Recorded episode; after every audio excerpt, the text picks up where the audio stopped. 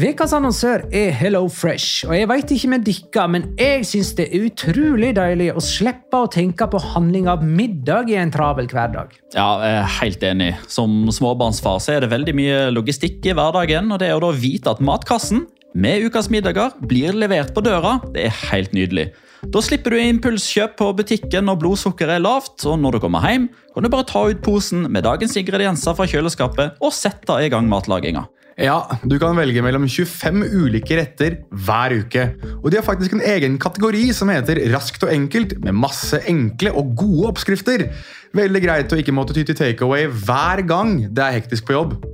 Jeg gleder meg spesielt til sterk chilikylling i min neste kasse. Jeg blir sulten bare av å tenke på det. Ja, Det er ikke feil med bacon og cheeseburger heller, da. Og det som også er bra, er at matkassen koster det samme hver uke, som gjør det enklere å holde matbudsjettet. Ja, og så blir det ikke matsvinn heller, fordi du får akkurat det du trenger til hver eneste rett. Hello Fresh kan absolutt anbefales, og bruker du koden vår, LIGALOCA, kan du få opptil 1779 kroner i rabatt på de fem første matkastene hvis du ikke har prøvd Hello Fresh tidligere. Du kan også prøve koden hvis du har avslutta abonnementet ditt for tolv måneder siden eller mer. Gå inn på hellofresh.no og bruk koden LIGALOCA. Bon appétit! Hallo? Jeg kommer fra Oslo politikammer.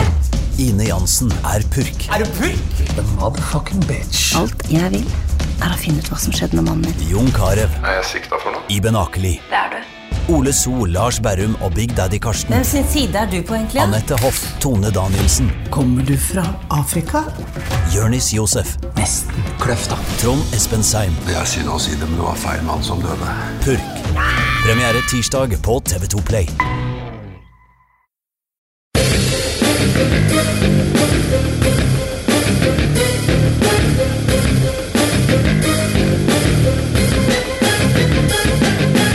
Har du sett? Vi er inne i ei uke der spansk fotball byr på sitt aller ypperste. El Clásico på onsdag, El Derby Madrileño på lørdag. Spanias tre største lag skal rett og slett ut i en aldri så liten trekant. Men hvis du vil ha det skikkelig gøy, ja da ser du Villarreal spille mot Valladolid på fredag. La liga loca. En litt gærnere fotball. Ja, ja, ja, ja, ja. Dette er La Liga Loca episode 61 med meg, Magnar Kvalvik. Hei. Og deg, Jonas Giæver. Hei. Shalom in the home. Og Tobias Storhuste Dale. Hei. Hei sann. Eh, Petter er den av oss som har små unger, og dermed òg eh, lir av det små eh, Hva det heter eh, Små ungefedre ofte lir av, nemlig influensa. Ja, nei, jeg eh, kan ikke relatere. Hæ? Nei. men men uh, vår vikarsjef, Tobias, er inne. Det er godt. Du er den som kan si ja på kort varsel. Ja. Så da har vi en Barcelona-representant i studio i dag.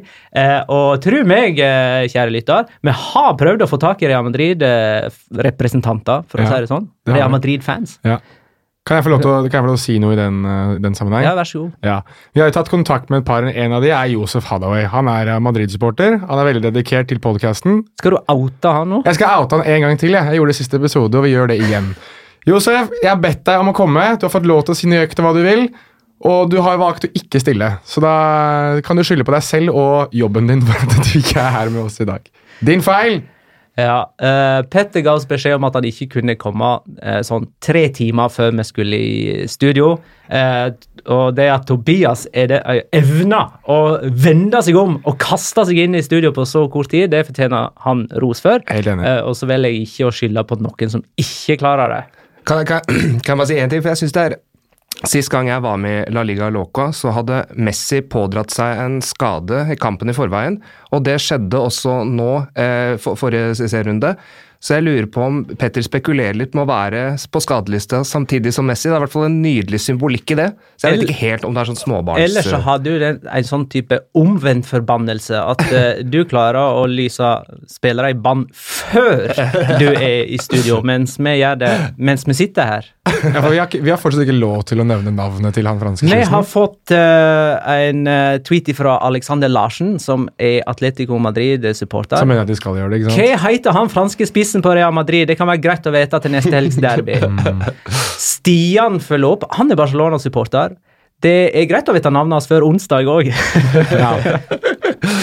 Mikael er. Bjerkan han er Real Madrid-supporter og skriver Oblak var runden spiller, Magna. Det er bare å hylle Jan Oblak. Det har blitt en greie, det her, når det, lyser spillere i banen. Jeg er fortsatt usikker på hvordan vi skal omtale Real Madrids nomini. Ja, du finner jo alltid nye fine måter. Han Ja, Real Madrids nomini? fransk-algirske spissen. Ja, Det har ikke jeg sagt, men eh, det er jo spot on. Ja, nei, det Jeg vil velger å, å se sånn på det at eh, hvis han franske spissen på Real Madrid gjør det bra, Ja. så er ikke det vår feil. Det er ikke vi som har gjort han god.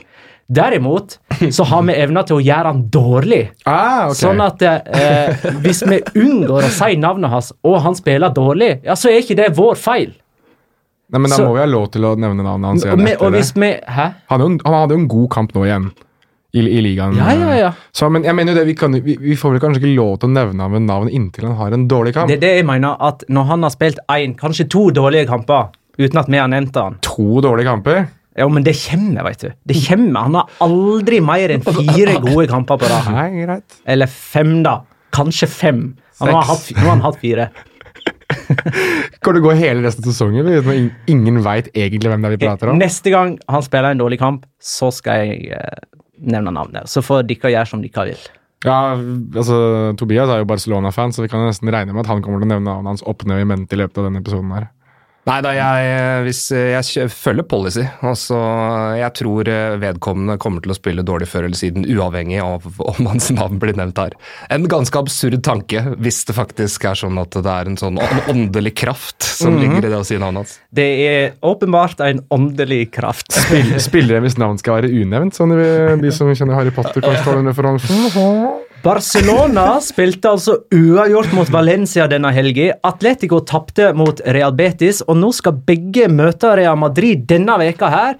Real Madrid var det eneste topp fire-laget som vant denne helga. Deriblant eller blant annet med nok en skåring av eh, en fransk spiss. Jeg tenker vi skal begynne å snakke om eh, denne vekas El Clásico. Det tenker jeg.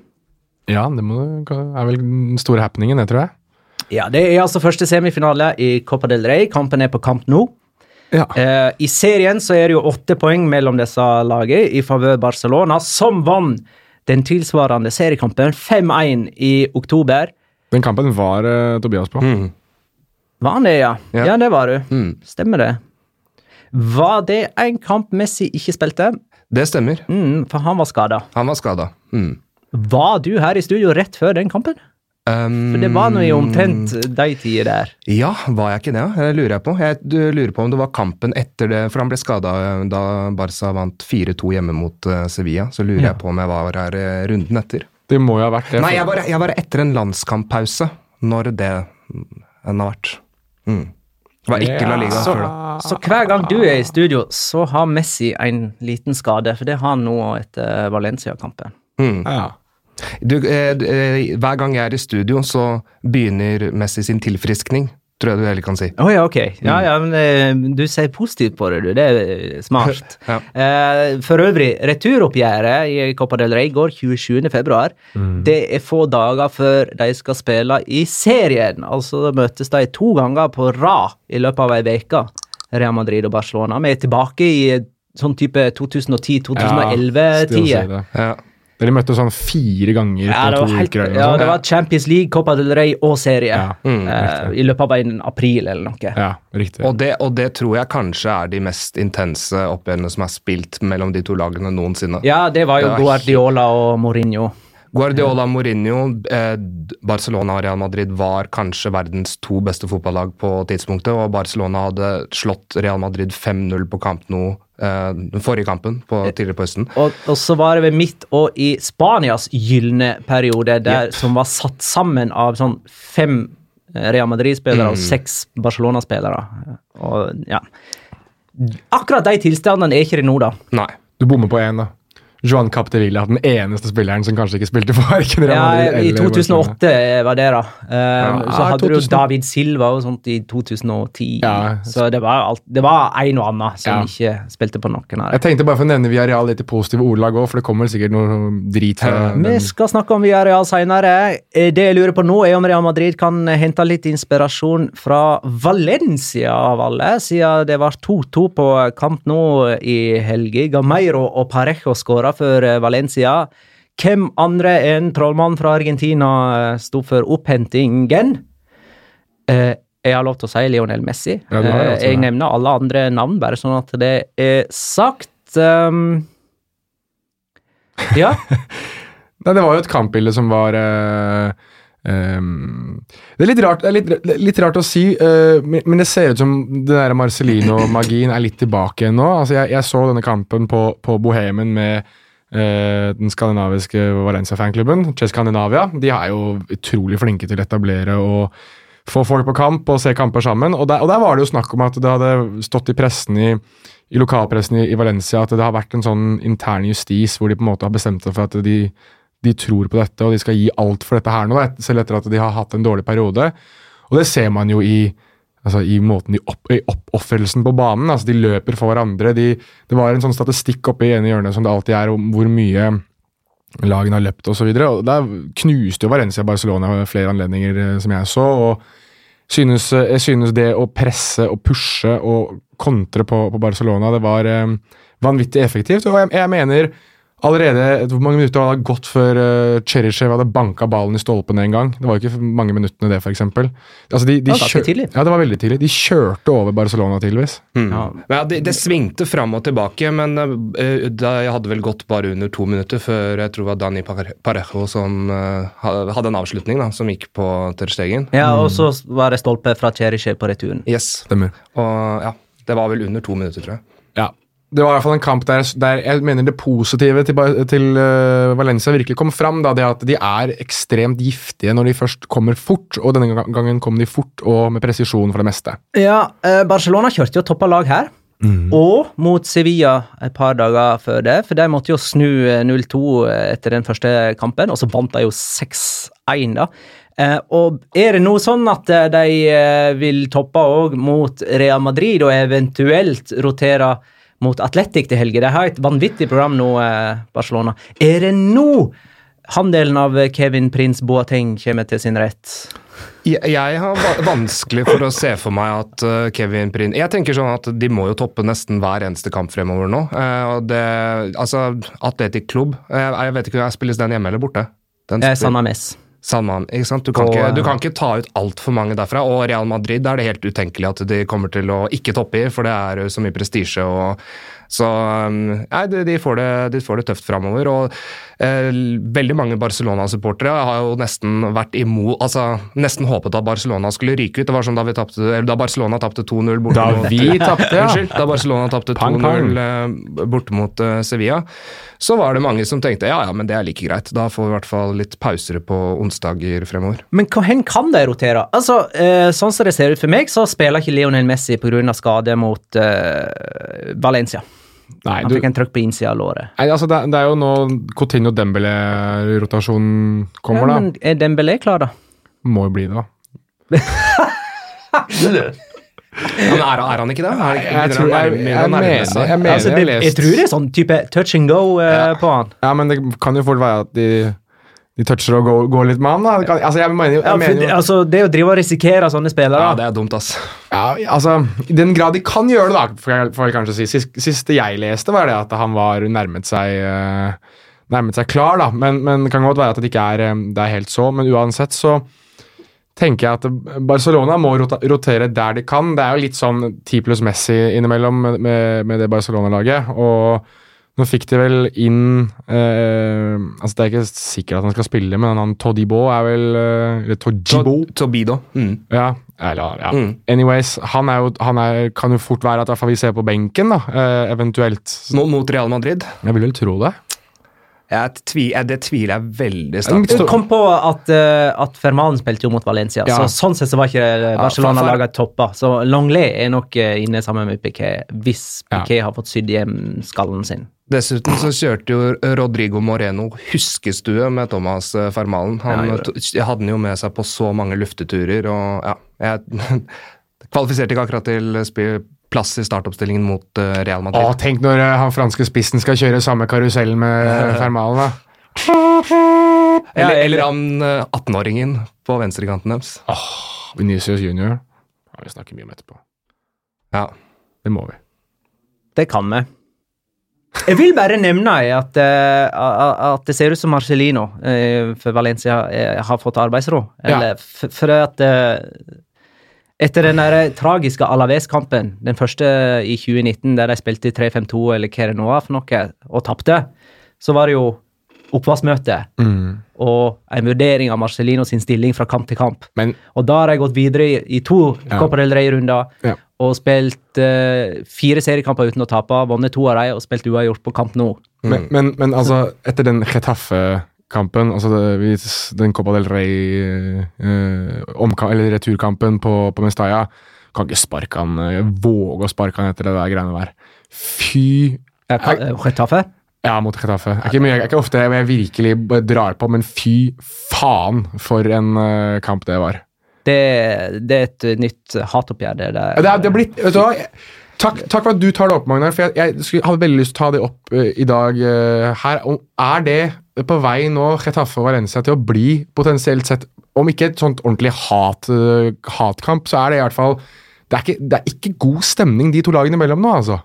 Nei, det er helt ræva. Uh, jeg vet ikke om det har med Copa del Rey-finalen i 2008 å gjøre, eller om det fins noe annet enn bare de teite gestikulasjonene de hadde mot hverandre i ja, hatt i det siste. Det er, altså, er Suárez som løp inn på spillebussen sist gang de møttes i ligaen, og, og at Marcelino var ute og kritiserte dem fordi at de er så rå i spillestilen sin. og, og så kom jo da Getafe tilbake altså, med å fortsette å sparke rundt på Valencia sine spillere på Mestalla. altså Og så var det så grinegestikulasjonene da Getafe tok ledelsen i det første oppgjøret. Ja. Fra, fra benken mot Valencia-benken. Og så gjorde Rodrigo Moreno Ja. det samme nå da kampen var over. Så er det flere som bruker det som profilbilde om dagen av eh, Ja. Valencia-supportere. Gabel Paulista med blod i ansiktet og bar overkropp og slåssing mellom spillere og slåssing mellom eh, Tre spillere som er fire kampers karantene her, var ikke det? I alle Jo. fall eh, Diakabi for uh, Valencia og Gené, kanskje? Ja, og Damian Suárez, vel?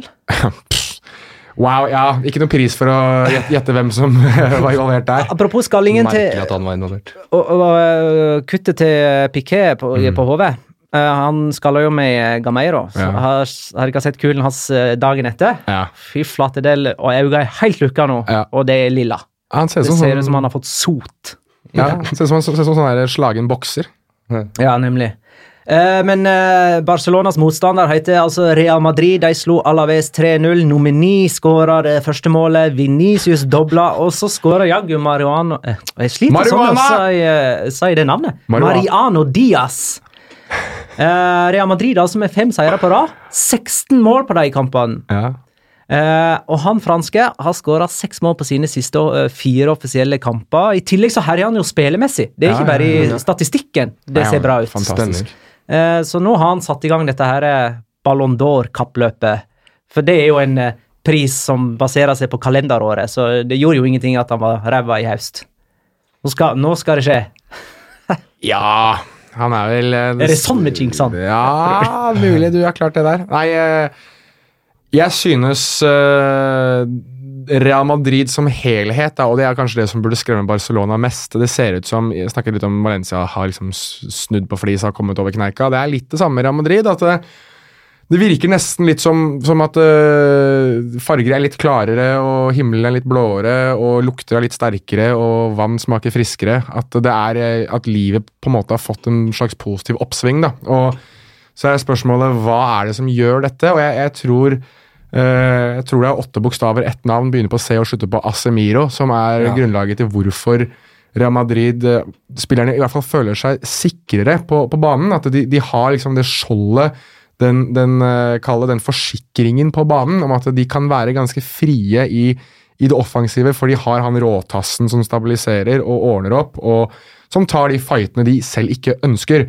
For eksempel, I starten av kampen så smalt han inn med Wakasu Mubarak, og vi vet jo alle at han er en råtass, han også. Men det er rett opp i ansiktet på han og vise holdt på å si, vise kassa og, og være litt sånn slemming, da. Litt sånn som Sergio Ramos eh, gjerne har stått aleine om å gjøre, men kanskje litt lenger bak på banen. Nå har de en på midten som gjør det samme, og det, det tror jeg bare gir Real Madrid et sånt nytt giv, altså. Og det um, samtidig, som, samtidig, som, at du, du nå får en slags formtopp for uh, nummer ni og, og uh, Venicius junior. Ja, for det er jo Det er ikke bare Casemiro som har hevet spillet sitt. Du ser, Det er mye mer Uh, innovative offensivt. Og jeg tror at uh, Uten å komme med en sånn veldig sånn dyp forklaring på det, så er det jo ofte sånn at uh, når For de har jo gode spillere, selv da de var ekstremt tamme før jul mm. og rett etter nyttår.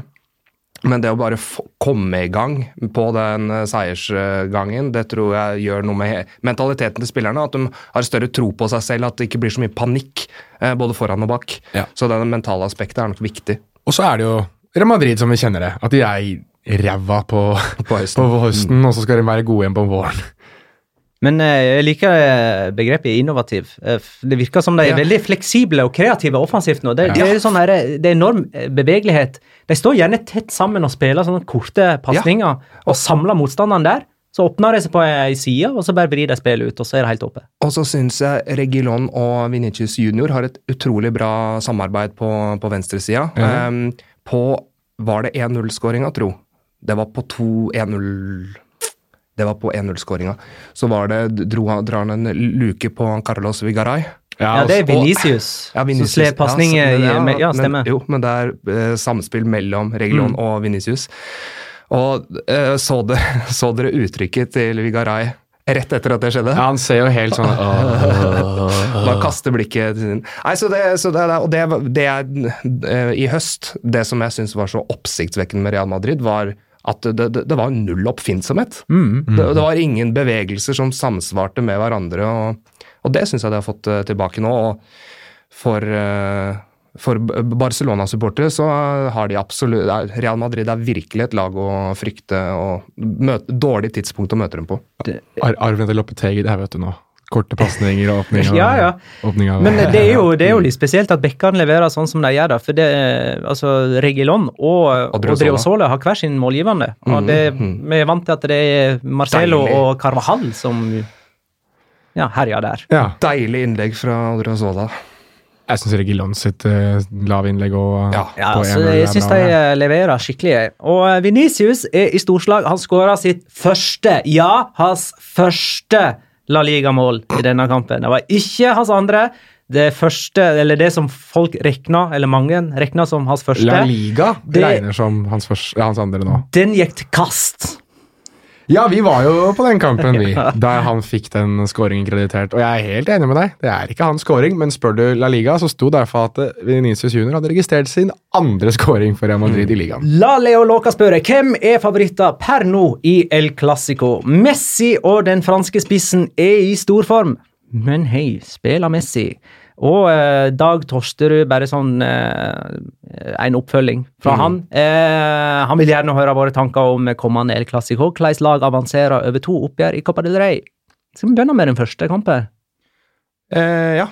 Eh, jeg tror at eh, det, jeg tror det resultat Jeg tror den, Foran den andre kampen så kommer det til å være vidåpent. Sånn f.eks. at Real Madrid vinner 2-1. På kamp nå? På kamp, ja, nei, de du starter på, på kamp nå. Det er kamp nå, eh, det, ja. Da, ja, ok, At Barcelona, det, at Barcelona vinner 2-1. Okay. At det er vidåpent. Men tror, om, tror om, Real Madrid vinner 2-1, så er det fortsatt åpent, ja. syns jeg. tenker jeg. Barcelona kan vinne 3-0 på Santiago Bernabeu. Det ja, ja, ja. Mm, ja. gjort og, og, vel så det. Men å slippe inn to bortemål, og så, og så dra til Santiago Bernabeu, det, det, er Lei den, altså. Ja, da, da, er, da er i hvert fall Real Madrid store favoritter. Jeg tror det kommer til å være ganske 50-50 eh, foran den, det andre oppgjøret. Mm. Jonas? Nei, jeg er ganske enig, jeg. Uh, at det, jeg tror det er veldig åpent når de er eh, ferdigspilt med den første kampen. Jeg kan ikke forestille meg et scenario der verken eldre av disse lagene, også litt med tanke på uh, seriespillet, at de kommer til å gå uh, Selv om kanskje de spiller med mange av sine beste spillere, så kan jeg ikke forestille meg at intensiteten nødvendigvis kommer til å gjenspeile de spillerne som er på banen i store deler av oppgjøret. da. Jeg, jeg kan forestille meg hvis vi hvis vi står på 1-1 da, i rundt, rundt det 60 minutter, så tror jeg det kan bli ganske kjedelig. Jeg tror det kan bli to lag som heller ønsker å begynne å bytte ut mange av stjernespillerne sine. og Uh, ro inn 1-1 mer enn at de kommer til å gønne på i 90. Jeg, det er sånn jeg kan forestille meg, fordi det er to kamper, og fordi at det er to lag som på toppnivået sitt er egentlig ganske jevne, slik ting står akkurat nå. Ja, ja. Det eneste der ting står og vipper for min del, er hvorvidt, hvor lenge, hvor mye og hvor ofte Lionel Messi kommer til å være involvert i de to oppgjørene her. Fordi Altså, jeg sa det jeg, jeg, jeg sier det hver gang jeg blir spurt om El Clásico hvem jeg har som favoritt, og så spør jeg alltid å svare hvilket lag spiller Lionel Messi på. Hmm, ja. altså det er, for det er, Noen ganger så er det så enkelt. altså. Noen mm. ganger så er det virkelig bare så enkelt at Messi er så mye bedre enn resten at det er tidvis bare gi ham ballen og flytt deg. Real Madrid, eh, Real Madrid har vært Nei, uh, Lionel Messi har uh, veldig ofte vært er nesten den eneste grunnen til at Barcelona har vunnet i kampene. Men jeg tror at det kommer til å bli så mange situasjoner i kampen fram til det 60. minutt som, eh, som fyrer opp stemninga. Ja. Så at det blir veldig vanskelig for dem. Det er nok det klokeste å gjøre. Å liksom roe litt ned på slutten. Men jeg vet ikke om det lar seg gjøre, med tanke på intensiteten. Ja. Er det noen som eh, prioriterer Copa del Rey høyere enn andre i dette oppgjøret her? Real, Real Madrid. Av, de, av, to grunner. Det ene er at de tapte 5-1 på kamp nå mot Barcelona forrige, så de har den, den revansjeaspektet. I tillegg har Barcelona vunnet turneringen fire år på rad. Det mm. gir både kanskje en, en kanskje vag metthetsfølelse, i tillegg til at uh, man har fått det for seg når Carles Piol går ut og sier at uh, grunnen til at Barcelona taper uh, kvartfinalen i Champions League i mars-april hver eneste sesong, det er fordi de satser så hardt på Copa del Rey og bruker seg opp i de turneringene. Mm. Uh, mens Real Madrid har ikke vunnet den turneringen på mange år, uh, siden 2014, tror jeg. Så jeg vil tro at Real Madrid har en større sult inn mot de kampene enn det Barcelona har. Og det er vel også Real Madrids mulighet til å ta ett trofé mer enn Barcelona, kan man si, denne ja. sesongen. For mm. uh, i ligaen så ser det jo litt kjørt ut, da, selv om vi skal ikke avskrive dem. Det er åtte poeng, som sagt. Jeg skal ikke avskrive det, men jeg tror, jeg synes uh, Tobias oppsummerer det veldig veldig bra her. Og så mm. tror jeg rett og slett at um, uh, For Solari sin del, da, som, som, har hatt ryggen litt mot veggen også, så tror jeg det er uh, en god måte å i hvert fall utheve litt det at det kanskje er et potensial i å, i å satse på ham som trener. Uh, lenger enn denne sesongen. her. Jeg tror ikke at alle, og kanskje alle på styrerommet til Real Madrid, deler den oppfatningen, men han kan i hvert fall vise til på slutten av sesongen Se her, vi vant i hvert fall den, og vi slo ut Barcelona mm. for å komme hit. Kanskje ja. dere skal få gi meg en sesong til? Der har du også et veldig viktig aspekt. Du har en trener i Real Madrid som, eh, som har noe å bevise, og som eh, det er veldig viktig å få det på, på merittlista at du har danka ut Barcelona uh, av cupen. Og så er bare én ting til. Siden Lionel Messi ble yngste uh, hat trick-målskårer i El Clásico uh, våren 2007. Så, uh, som 19-åring. Så tror jeg det kun er én tenåring som har skåret i El Clásico. Det var Rafael Varan i Copa del Rey i 2012-2013, semifinalen der. Jeg spår at vi får en ny tenåring som scorer i El Clasico. Venicius skåra altså ja. i El Clasico. Dette er en spådom jeg er nødt til å skrive ned. Eh, men ja, nei, det ja. gjorde du ikke. Nei, jeg tenker på Venicius. Ok, vi skal snart snakke om El Derby Madrileño. Det er El Derby Madrileño på lørdag. Det er tredje gang at eh, Real Madrid og Atletico møtes denne sesongen. Det ender 0-0 i ligakampen på Santiago Bernabeu, mens Atletico vant 4-2 etter ekstraomganger i Uefa supercupen. Husker dere det, folkens? Det begynner å bli en stund siden. Da. Det var i Tallinn. I, I, begge de oppgjør så var altså Lopetegi Real Madrid-trener. Eh, Diego Costa skåra jo to i eh, i det supercupoppgjøret. Så ja, det føles veldig, veldig lenge siden dette. Ja. Eh, Real Betis klarte jo å slå Atletico denne helga, eh, 1-0. Eh, Skåring av Canales på straffe. Det jeg lurer litt på, er om Atletico Madrid er litt sånn chokete. Altså, choker de når det- det virkelig gjelder for, for Atletico, som her visste at Barcelona hadde avgitt poeng dagen før, og de kunne vært to poeng bak med seier. I stedet så øker altså Barcelona forspranget på toppen av eh, tabellen. Jeg må bare, før jeg svarer på det, så må jeg bare si at det er deilig at det er du som bruker et amerikansk begrep, og ikke meg. Uh, Fins det et norsk uh, kvelna? Uh, nå spør du jo han som bruker de amerikanske begrepene om det finnes et annet begrep enn å choke, men, men, uh, så jeg sier nei, det gjør ikke det. Det finnes bare Men engelske du bruker engelske begrep når det finnes gode norske begrep rett framfor øynene. Helt riktig, så det er, jeg er den dummeste å spørre om det.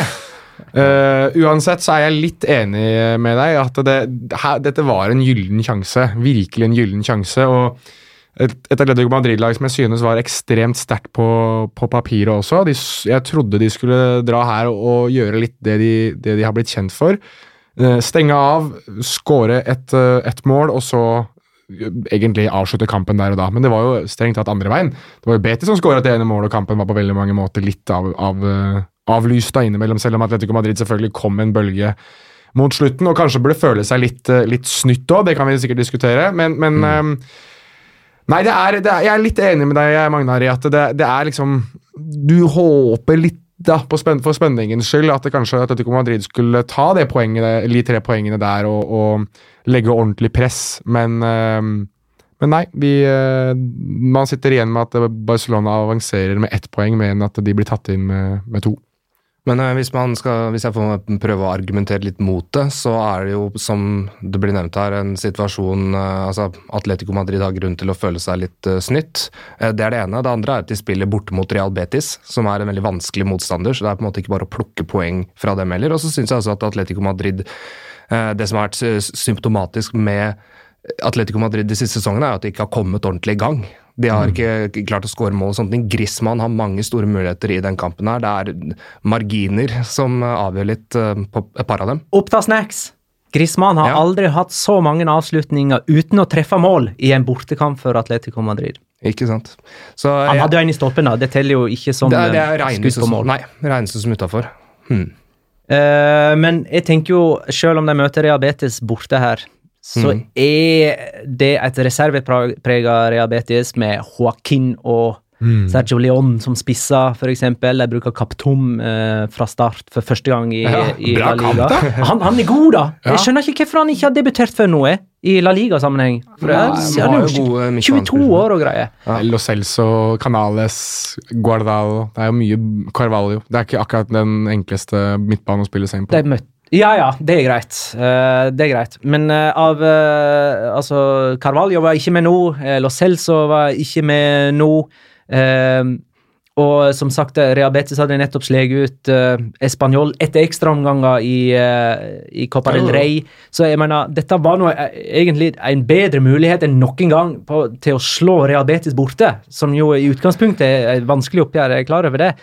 Eh, og det er at Atletico, da, som har 18 seriekamper på rad uten tap, Men- taper denne. Men hvis, eh, hvis Atletico Madrid hadde fått eh, straffe den derre Ja, la oss rydde okay. unna den. Okay. ja. Ja, nei, altså, Hvis de hadde fått straffe da, tatt ledelsen 1-0, så Ja. hadde vi jo fått et helt annet kampbilde også. Da er ser jeg veldig for meg at det hadde blitt tre. Men jeg bare, før vi tar den, bare som vi var inne på Sergio uh, Leon.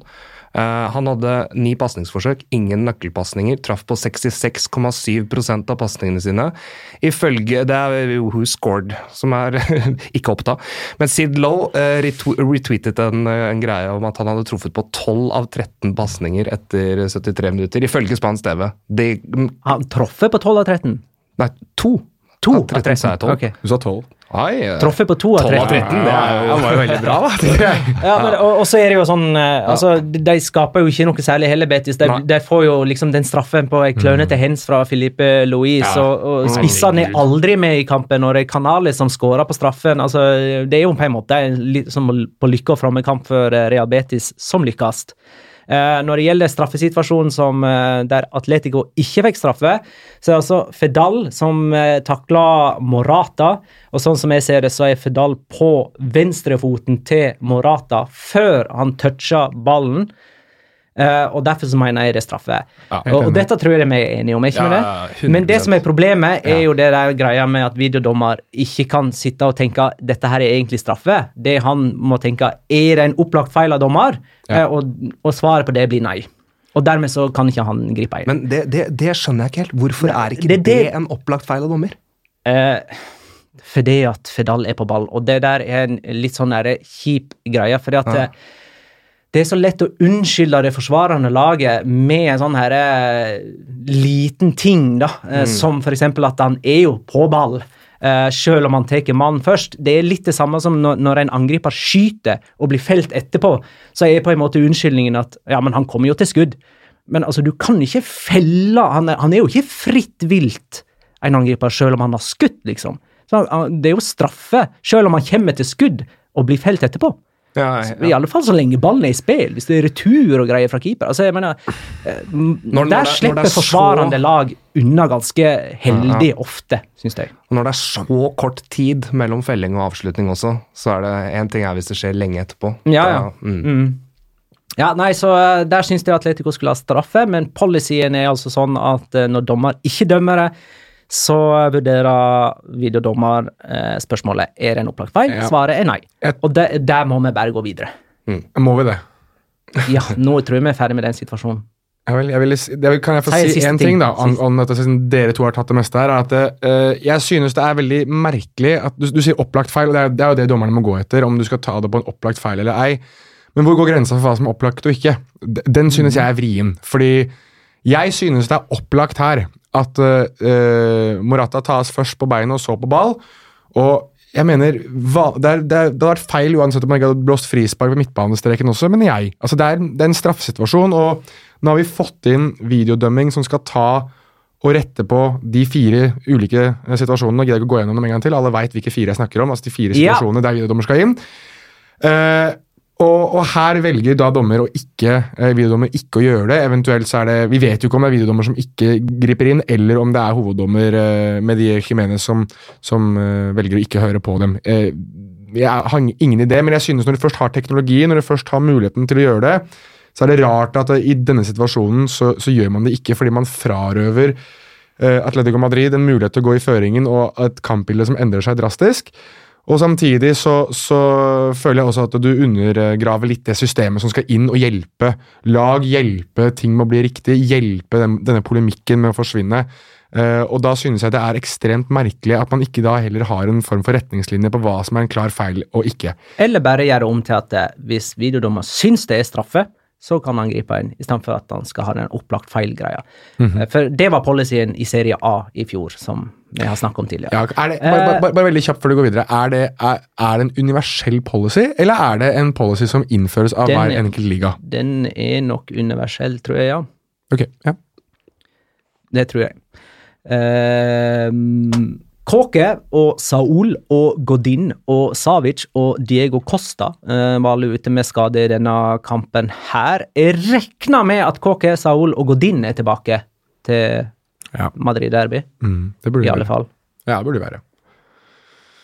Og så må, Eh, og det, altså, når, eh, når uh, Atletico klarer seg kanskje greit uten én av Kåke og Saul, men begge to ser ut til å være veldig, veldig tungt. Mangler uten, uten Saul tror jeg det blir tøft. Ja, det er jo Han er konge, han, altså. Vi har jo blitt en, litt enige her, da vi har pratet om han før, at det er vel Cocky har vel stagnert litt der. Eh, Saul har bare blitt bedre og bedre. Eh, og jeg tror det jeg virkelig savner da med, med Atletico Madrid, er, som vi så Det er litt moro at vi snakker 4. februar om dette. Diego Costa som kom inn og endret mye av dynamikken i Atletico Madrid i fjor ved å være den, den derre Um, altså som Petter sier, den kaosbamsen som river og sliter mens Grismann får løpe litt fritt. Avro Morata i denne debutkampen her Det var tøft å se på, altså. Det var vrient å se på. Avslutningene hans var tynne, men han var egentlig ikke så veldig dårlig eh, utover det. Han, eh, han vant veldig mange taklinger i første omgang. Han ville mer enn han fikk til, syns jeg. Men, Det er men er, greit, ikke det, er ikke det også litt symptomatisk med uh, Alvaro Morata? At uh, han, han er utrolig tam i avslutningene sine. Det virker også som at det er en sånn mental sperre som sitter i han. Akkurat, den, akkurat det aspektet der er, er med videre fortsatt fra Chelsea-tiden, ser det ut til. Ja. Ja, og det, og det er eh, Jeg stilte et spørsmål på La Liga Loca for en liten stund tilbake om er han mann nok eh, for, for oppgaven. Eh, altså, og det er kanskje det jeg er litt usikker på. da. Det er det det virker som at han har mental sperre. for det, ma- Han har jo vist hva som bor i han. men han. Han er en god fotballspiller, og han kan, vi har sett at han kan skåre mye mål. Det, er, det lukter jo i utgangspunktet krutt av spissduoen Morata-Grismann. Ja. Eh, Morata tilbake på Å nei, er det på Santiago Bernabeu nå, eh, eller var det der jeg spilte 0-0? Det er på eh, Wanda Metropolitano nå. Ja, det er vel det. Mm. Ja, det var Atletico som var Vinicius, Vinicius som ble Ja, inn mot det, ulvene. Det er på sånn, eh, Metropolitano. Og Mm. eh, tilbake i alle fall mot Real Madrid. Mm. Interessant møte det, da.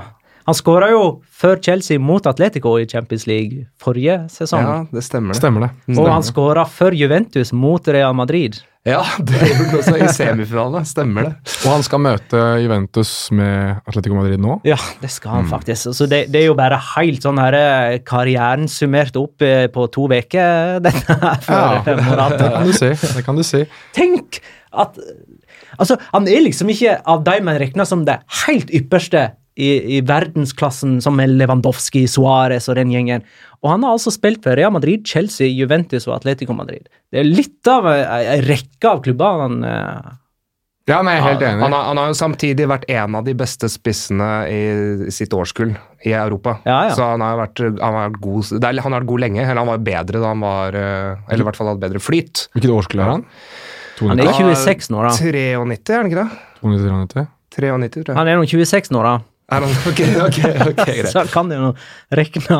Ja. Jeg, det kan godt hende han blir 27 i løpet av Der dette er mitt årskull, da. Ja, ja, det er jo Det var enten meg eller Morata. Jeg tror det var riktig. Styrmann, Han er eh, 92, Jonas. Du hadde Ja, rett. takk her. Mm.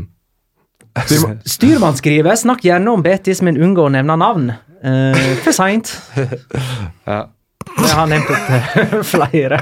Vi skal Du, tippe med Sergio Canales, fy søren, han ja, ja, ja. har fått sin ja, ok. oppblomstring. Eh, Jeg nevnte han som målskårer.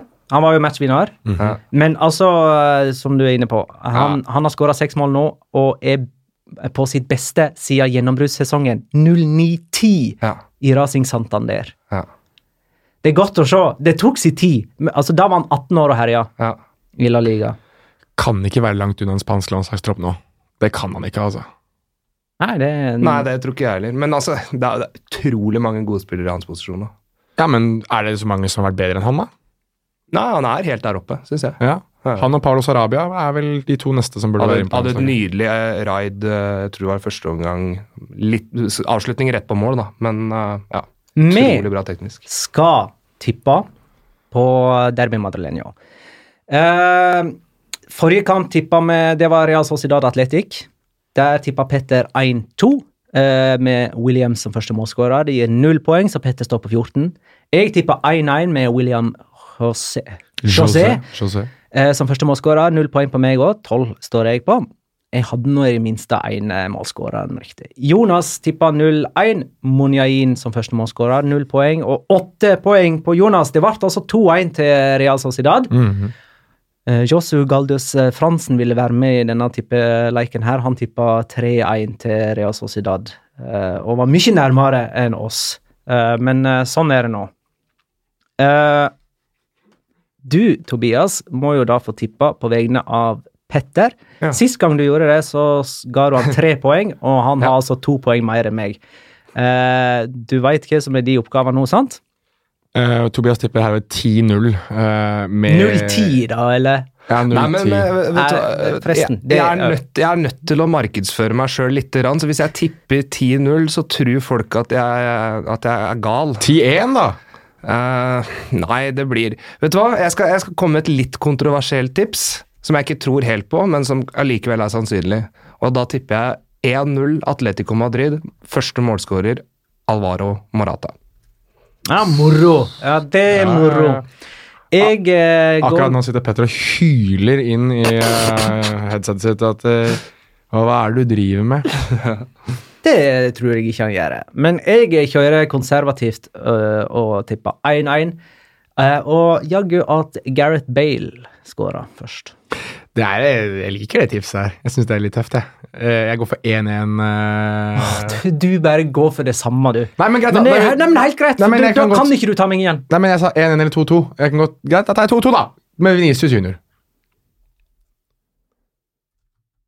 Jeg skriver Skjønner. 2-2. Venicius junior. Venicius Petter, Petter, nå ble jeg pressa til å tippe eh, dårlig. Vi har faktisk eh, sittet eh, Magnar har akkurat nå ladet om geværet sitt, mens jeg sitter og, og slipper kniven og peker i retning Tobias. Eh, jeg må bare Jeg må også skrive ned eh, tipset til eh, Tobias om El Clásico. Var ikke det at Venicius skulle skåre i El Clásico? Altså eller var det bare generelt at en tenåring skulle bli den første? Nei, Nei, Vinicius- at jeg tror at i løpet av disse to kampene så, Så skårer Venicius. Ja, I Copa del Rey El Clásico. I. Copa del Rey, ja. Mm. Ja, nei, men det måtte jeg bare skrive. Vi har jo en sånn oppsummering der alle spådommene våre blir dratt opp av Magnar. Så Mm. du kan jo bare glede deg til du bommer her, og Magnar, Magnar eh, kjører den der gode gamle shame.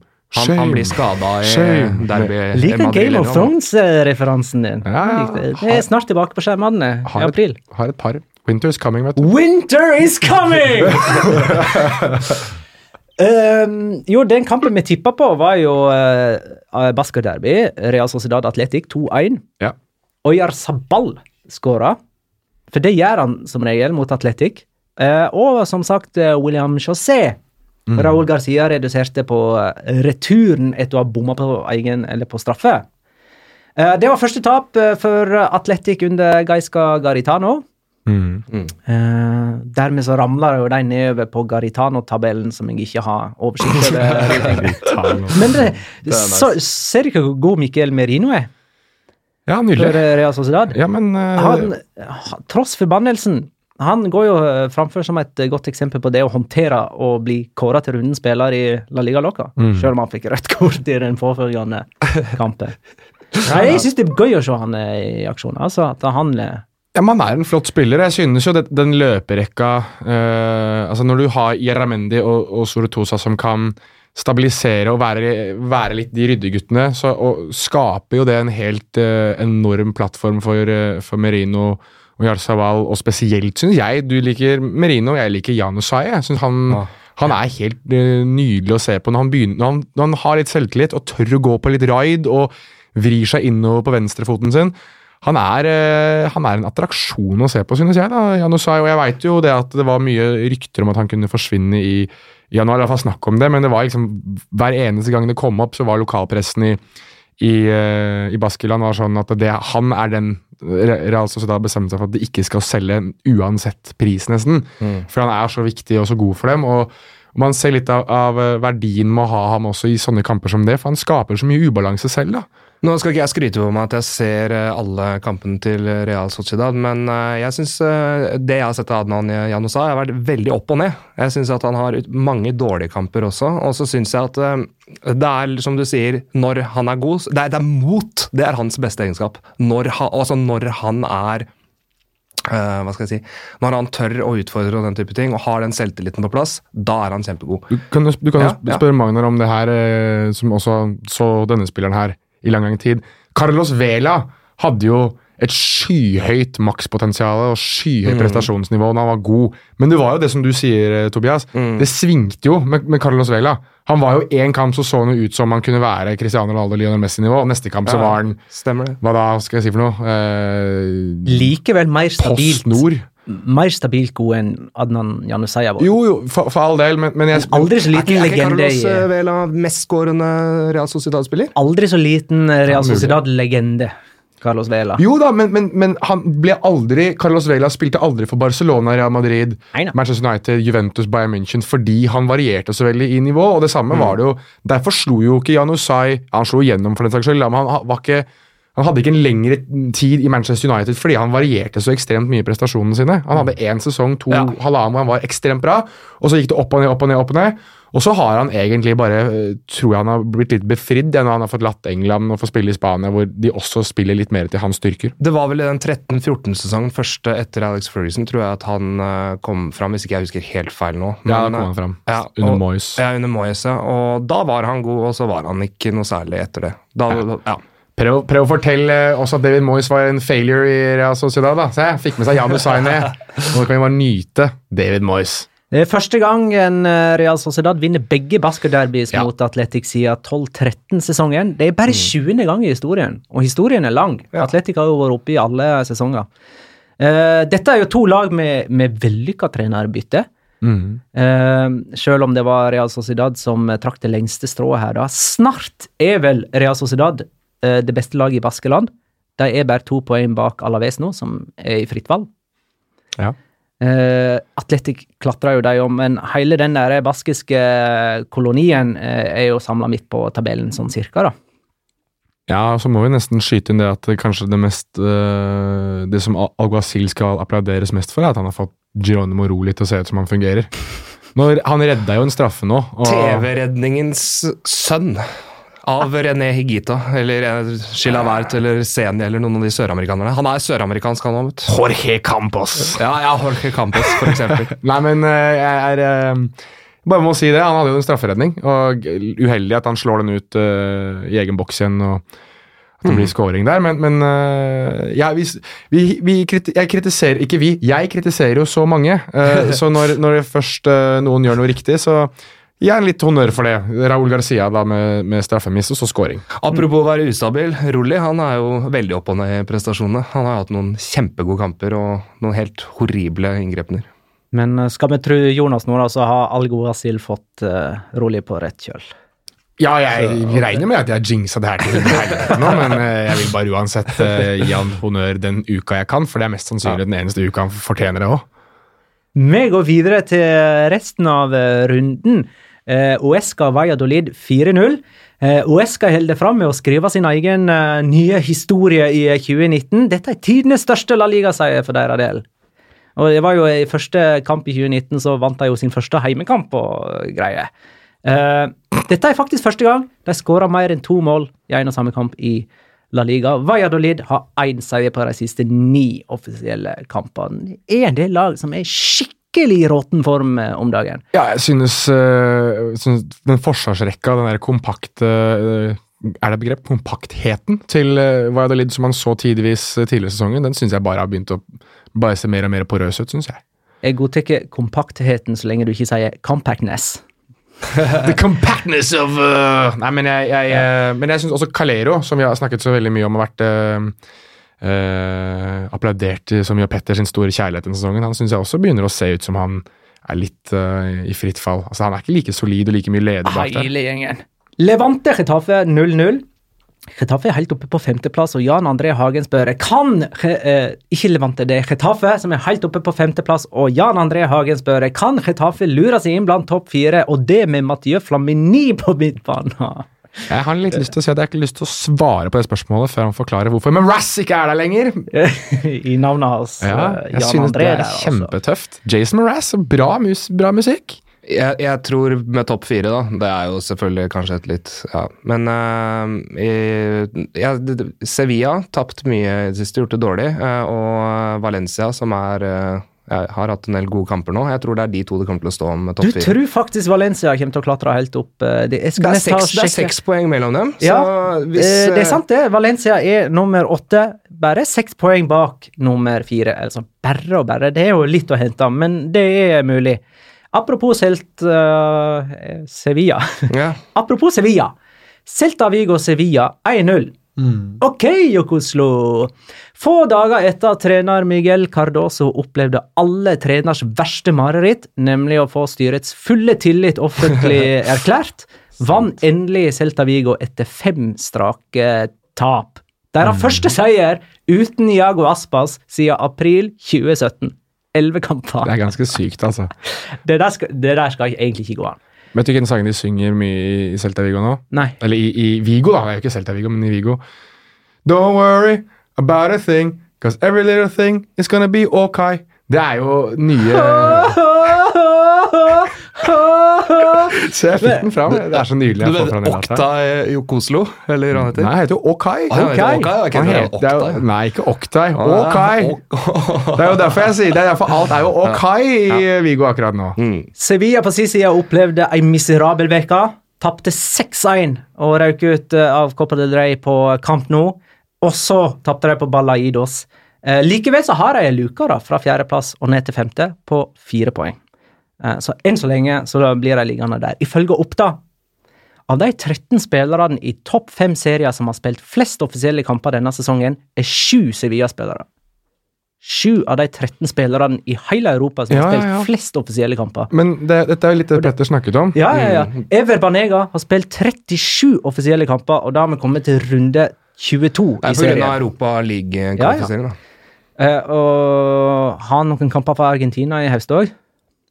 Oi, godt spørsmål. Hvem, hvem, hvem? Eber Banega. Aha, er det ikke Usikker, faktisk? Er eller to? Det er ikke så mange, i hvert fall. Men han, har, men Franco Vasques, i hvert fall. men han spilte Ja. Vasquez har jo for, nei, for Italia, uh, vel? For Argentina, vel?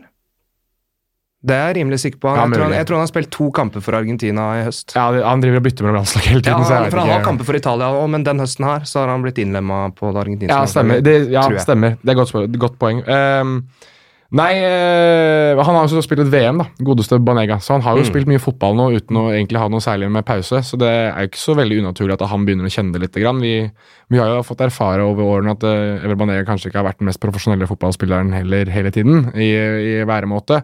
Men øh, forhåpentligvis har det endret seg nå. Men jeg, jeg, tror, jeg tror det vi ser nå, er et Sevilla som Hvis vi skal ta Paolo Machin sin fotball som, som øh, eksempel den er jo, Det er jo energikrevende, og du skal løpe mye, og det, er, det handler jo om å slå motstanderen på intensitet. Og jeg tror at når du spiller den formasjonen 3-5-2, 3-4-3, alt ettersom hvordan du ser det, uten den uh, in intense holdningen og den energien som kreves, så tror jeg du er ganske middelmådig, egentlig.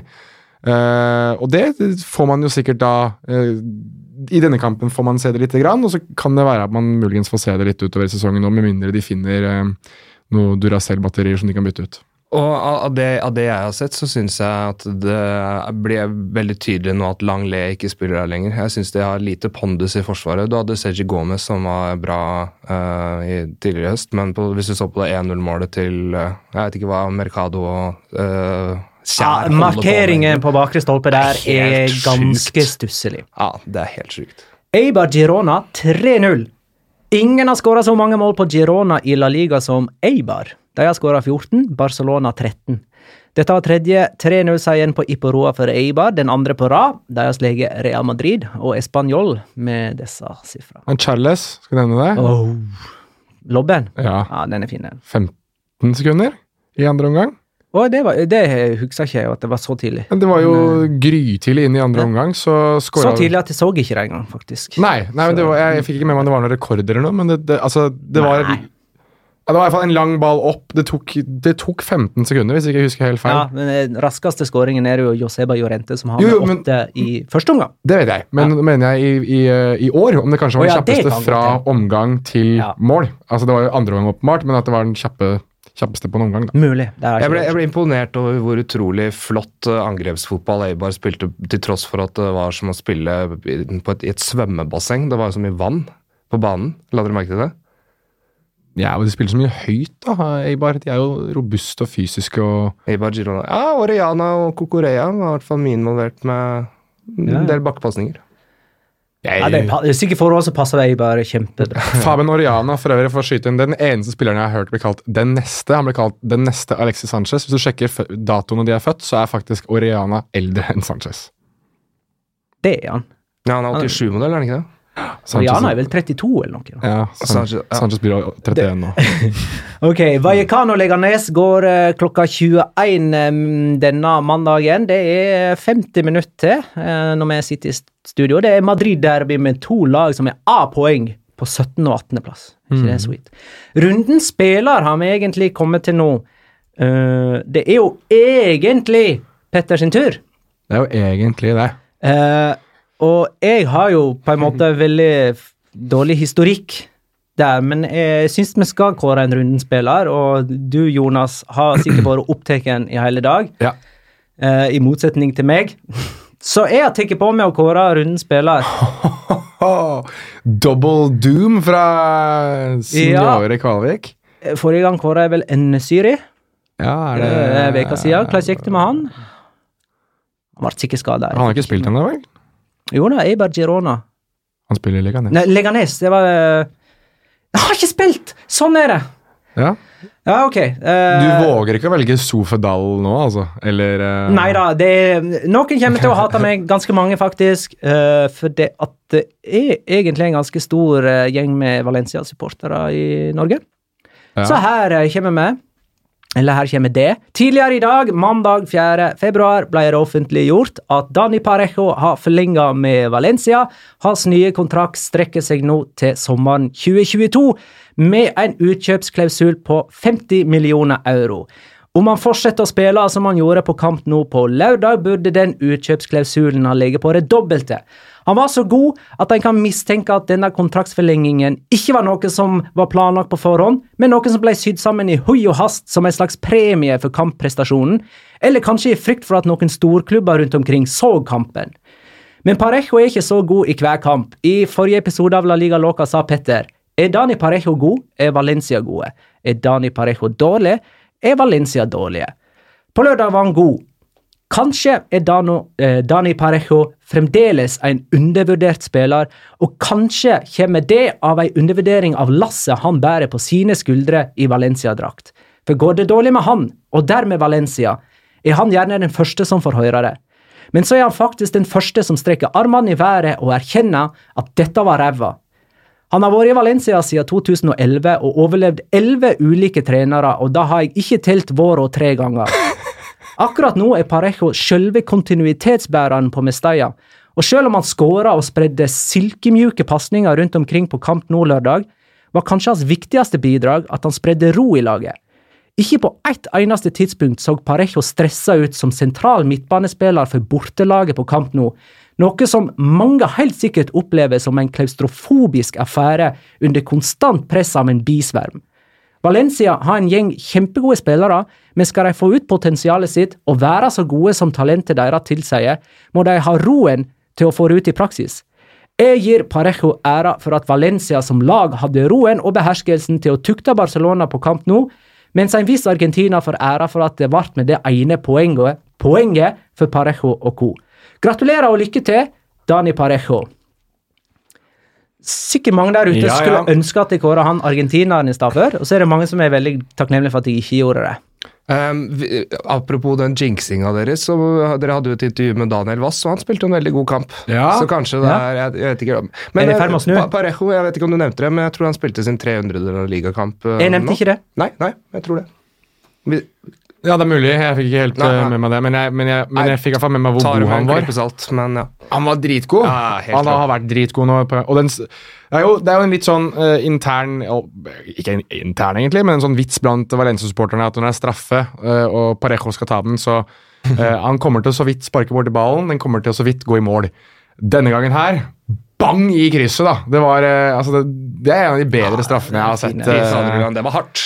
Ja, det var, altså, Ter Stegen hørte vel bare sus nesten av den. Det var jo en fantastisk straffe. Så det, det, var, eh, det var gøy å se ham. Vi har jo sett ham live den siste tiden eh, også, Magnar. Og han er jo en eh, Han er fascinerende å se på når han er i gang. Jeg, jeg digger Parejo. Ja, jeg er Det er helt fabelaktig å se på han. Ja, men Det er litt, litt den der naturlige autoriteten. Han vokser seg inn i kampene, og måten han får spillet til å gå Nei, han er Men, nydelig å men se når han er ræva det, så det er jaggu fortvilende. Ja, Juventus-kampen i Champions League på Mastella, f.eks. Fy flate. Hvis du noen gang skal se en fotballspiller med uten selvtillit og ræv råtten dårlig, se den kampen, og se Dani Parejo der.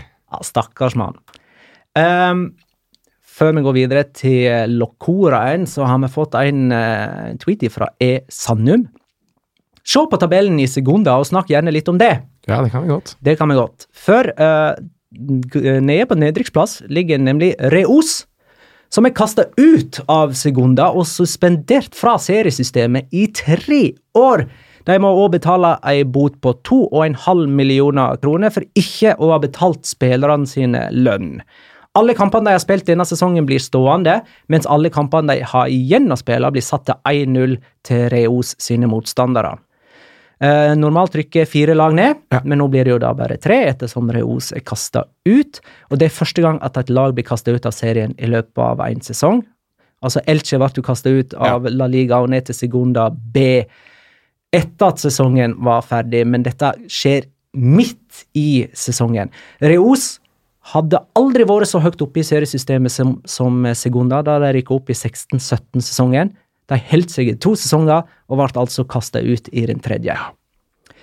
Reos er jo også den klubben som i sin tid appellerte til at uh, Gerard Piquet skulle kjøpe de opp, eller i hvert fall kjøpe nok til at de kunne Katalansk klubb, dette. Ja, riktig. Men det er, litt, det er også litt sånn symbolikk i å se, sitte, titte på tabellen her nå, og da er det jo uh, Du har for eksempel Extramadura på 22 poeng, du har Cordoba på 18, du har Gymnastic på 17, og så står Reos på sisteplass med 21 poeng, som da eh, rett og slett bare er eh, et signal på at de er kasta ut. Det, det kommer ikke til å skje noe mer der resten av sesongen, så det er litt trist, da. Det er det. Men grunnen til at Sandum Ville du si noe nå, Tobias? Jeg bare lurer på om dere husker uh, Isak Cuenca? Han kom opp i Barcelona Mm. i 11-12. Var det han som skulle da, Det var da Barcelona begynte å, å få Man snakket om La Masia, og hvor, gode, Ja. hvor bra det var. og eksemplene på hvor gode de var, var Christian Theo og Isak Cuenca. Jo, jo, men det var jo det som Selv om Theo, Theo, det, var jo god en liten stund. Det skulle skulle jo liksom være generasjonen etter Iniesta, Xavi, Messi og gjengen. Jeg foretrekker Theo Cruz til eh, Christian Theo, men det får være meg. Men eh, grunnen Ja, til nei, jeg skulle, Det jeg skulle si om Isak Cuenca, da. Det var ikke bare spørsmål om dere husker han. Jeg tror at han, han var jo, eh, spilte jo for det der eh, laget Israel, Hapoel Bershava, eller hva det heter, fra Israel. Bersheva, ja. Bersheva, mm. Eh, og jeg ble klubbløs i sommer, og da mener jeg Jeg leste i hvert fall i en katalansk avis at han hadde signert for Reus. Jeg er litt usikker på om, om noe mer enn det, men kjenner dere til det? Vet dere om han spilte der nå i høst? Jeg tror han gjorde det sjøl. kan vi jo finne ut på to sekunder her. God damn, nå setter du oss på prøve.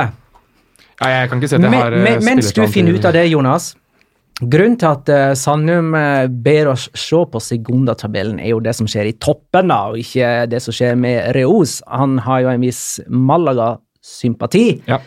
Uh, og det er sånn i toppen av sekunder Segunda at Albacete leder med 45 poeng. Så kommer Granada, Malaga og Osasona med 44. Og så kommer Deportivo la Coruña på femteplass med 43. Så det er to poeng som skiller de fem øverste. Eh, og det er to, poeng, nei, to eh, lag som rykker rett opp, mens lag nummer tre til seks spiller playoff. Eh, og Alcorcon er nummer seks. Mhm. Eh, og jeg har jo lansert dem som den neste La Liga-debutanten. Det har du allerede gjort. Mm. For å oppdatere på Isak Cuenca-gate. eh, Han uh, har ikke spilt i Reos, men han spiller i Sagan Tosu. Og er det noen som husker hvem som spiller der? Ja, ja Fer- Fernando Torres, er det ikke det? Helt riktig. Fernando Torres uh, har nummer ni. Jeg, jeg skulle til å si Manco Cano, Nei, for men, han er svar på alle spørsmål. Jeg ikke han det? du, kunne- hadde du sagt Victor Ibarbo, så hadde du for øvrig også hatt uh, riktig. Men uh, Isak Cuenca nummer syv, Fernando Torres nummer ni i Sagan Tosu. du. Der har dere. Nei, men da er det tid for Locora! Ukens La Liga Locura. Locura. Locura. Locura. La Liga Locura. Jeg kan godt uh, begynne. Begynn, du. Eh, det er nemlig sånn at eh, det er en kamp vi ikke har snakket om ennå. Ja, det er eh, Det er Å, herregud. eh, hvilken kamp var det når vi ikke har prata om nå? Han- Det var nevnt i Jeg- jeg- introen til og med. Jeg, jeg veit det. Jeg, åh. Ja, jeg vet ikke mer. Skal jeg si det? Ja, jeg vet ikke okay. mer. Og, jeg, og, jeg vet, og jeg, vet, jeg vet hvor mange han skal. Villarreal Español 2-2. Skulle du sett!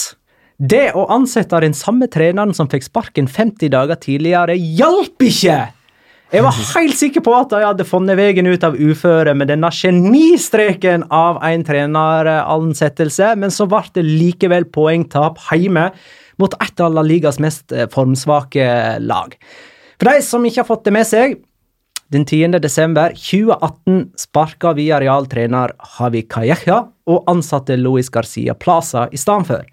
50 dager, 9 kamper, én en enslig seier og en Copa del Rey-exit senere fikk Luis Garcia sparken, og Calleja var plutselig tilbake. President Roche uttalte at han angra seg og ville egentlig aldri sparka Kajekka i utgangspunktet. Mønsterklubben Villarreal går i front som enda et godt døme på hvordan relativt små klubber kan hamle opp med de største i denne megakommersielle, storindustrialiserte idretten. Klarer ikke å fullføre den lille skakkjæret, vet du. Han starta for øvrig òg med både Bakka og Chukwuese på benken. De ligger nest sist, med fem poeng opp til trygg grunn nå. Eh, via Real. Gaute Brandser skriver på Twitter Kan Petter prøve å forklare hva som er gale med Villarreal? Flust av gode spillere, men bånd i bøtta hver helg. Kan dere høre det? Er Petter som sitter og hyler helt fra Nei, man kan høre fingrene hans springe over tastaturet, for han eh, svarer nemlig i en tweet, og kunne ikke Han hadde ikke plass til mellomrom i tweeten for å eh, få nok tegn da, til å skrive hva som var gale. Så nå skal jeg prøve å lese denne tweeten. Jeg tror det meste ligger i det mentale aspektet ved fotballen, som ofte er underkommunisert og undervurdert som faktor i det store bildet, og med uh, Store bildet I og med at troppen er mer enn god nok til å kunne kjempe om en plass i Europa neste sesong.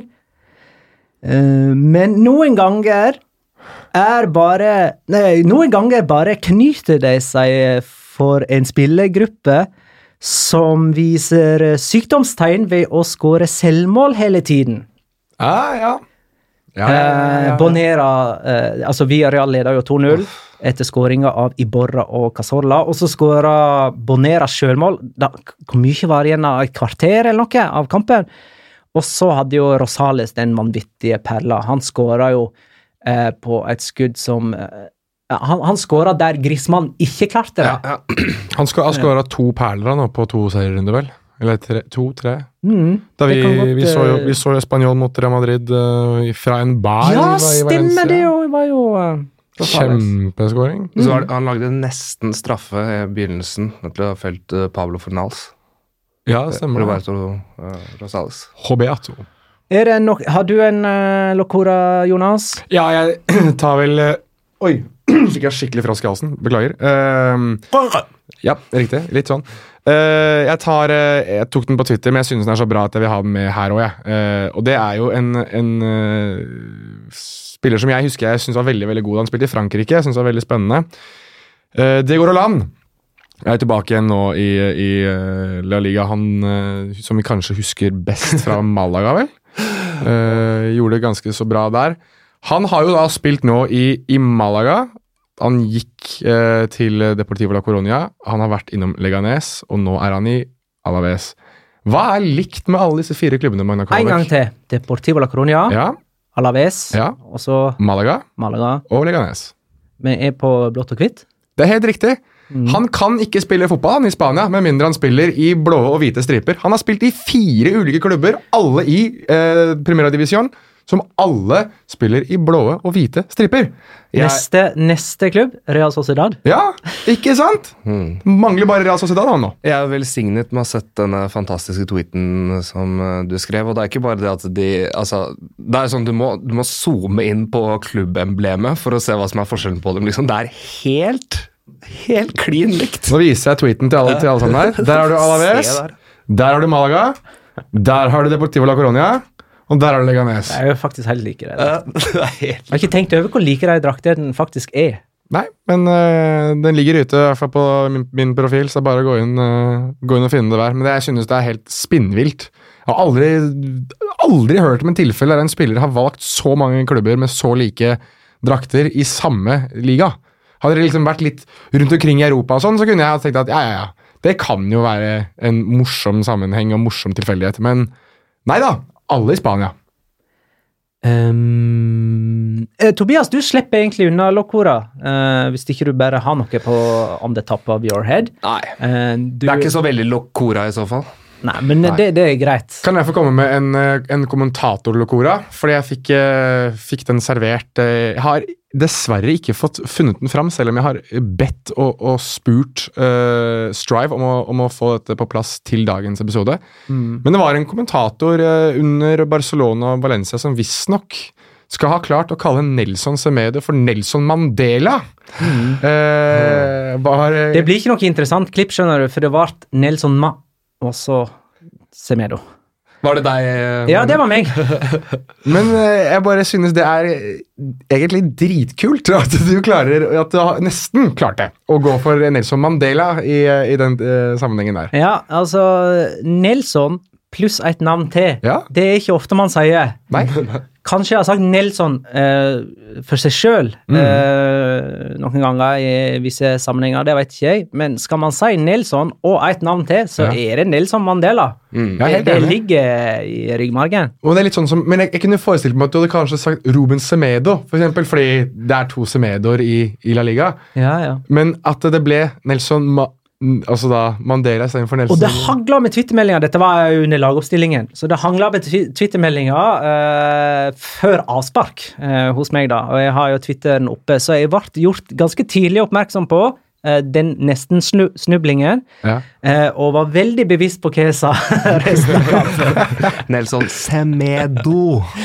Semedo. Ja, nettopp. Nei, men eh, jeg ville bare ta den med, for jeg synes at det egentlig er eh, rett og slett dritkult å Men, å blande eh, jeg tror det, det, om du får det klippet fra Strive, uh, så tror jeg ikke det blir sånn kjempemorsomt isolert sett. Nei, jeg, jeg har, For som sagt, jeg satt, Men uh, det kan godt hende at det er sånn som jeg huks, at jeg husker det feil. Da. jeg satt jo ute og så den, og det, var, det er mye lyd på sportspuber rundt omkring i Oslo, Ja. så jeg fikk jo ikke hørt, hørt dette, så jeg ville egentlig bruke det som Locora. Ja, ja, men det var en fin en. den. Det var en fin den. Uh, jeg minner om at Atletico Madrid, Real Madrid spe, blir spilt lørdag klokka 16.15. Eh, en annen god kamp å trekke fram, som vi har vært så vidt inne på, er Atletic mot Barcelona dagen etter, altså søndag klokka 20.45. Og så er det jo El Clásico. Å ja, det har jeg glemt å si. At eh, når klokka nærmer seg halv ni mandag 4. februar, så aner ikke vi om eh, noen norske kanaler eller plattformer har rettigheter til den Copa del Rey. Nei, vi, vi håper at det kommer i orden, da. Det kan fort ø, skje i siste sekund, eh, det der. Men eh, vi veit ikke per nå. Tusen takk, Tobias, for at du kom. Det var veldig sporty. Tusen takk for at jeg fikk komme. Det var veldig hyggelig. Kan jeg få lov til å kalle Tobias for eh, Når man snakker om vikarer og nordmenn, så er det jo som regel Ole Gunnar Solskjær man nevner, men jeg setter mer pris på Tobias akkurat nå. Tobias Storhus til Solskjær. Kanskje skal ha Tobias-tabellen? Kanskje skal klare å lage noe greier på det? Med, med tips. Den blir nok eh, litt dårligere nå eh, etter helgen. Tusen takk for alle spørsmål og innspill, kjære lytter. Takk for at du lytta, kjære lytter. Ha det, da.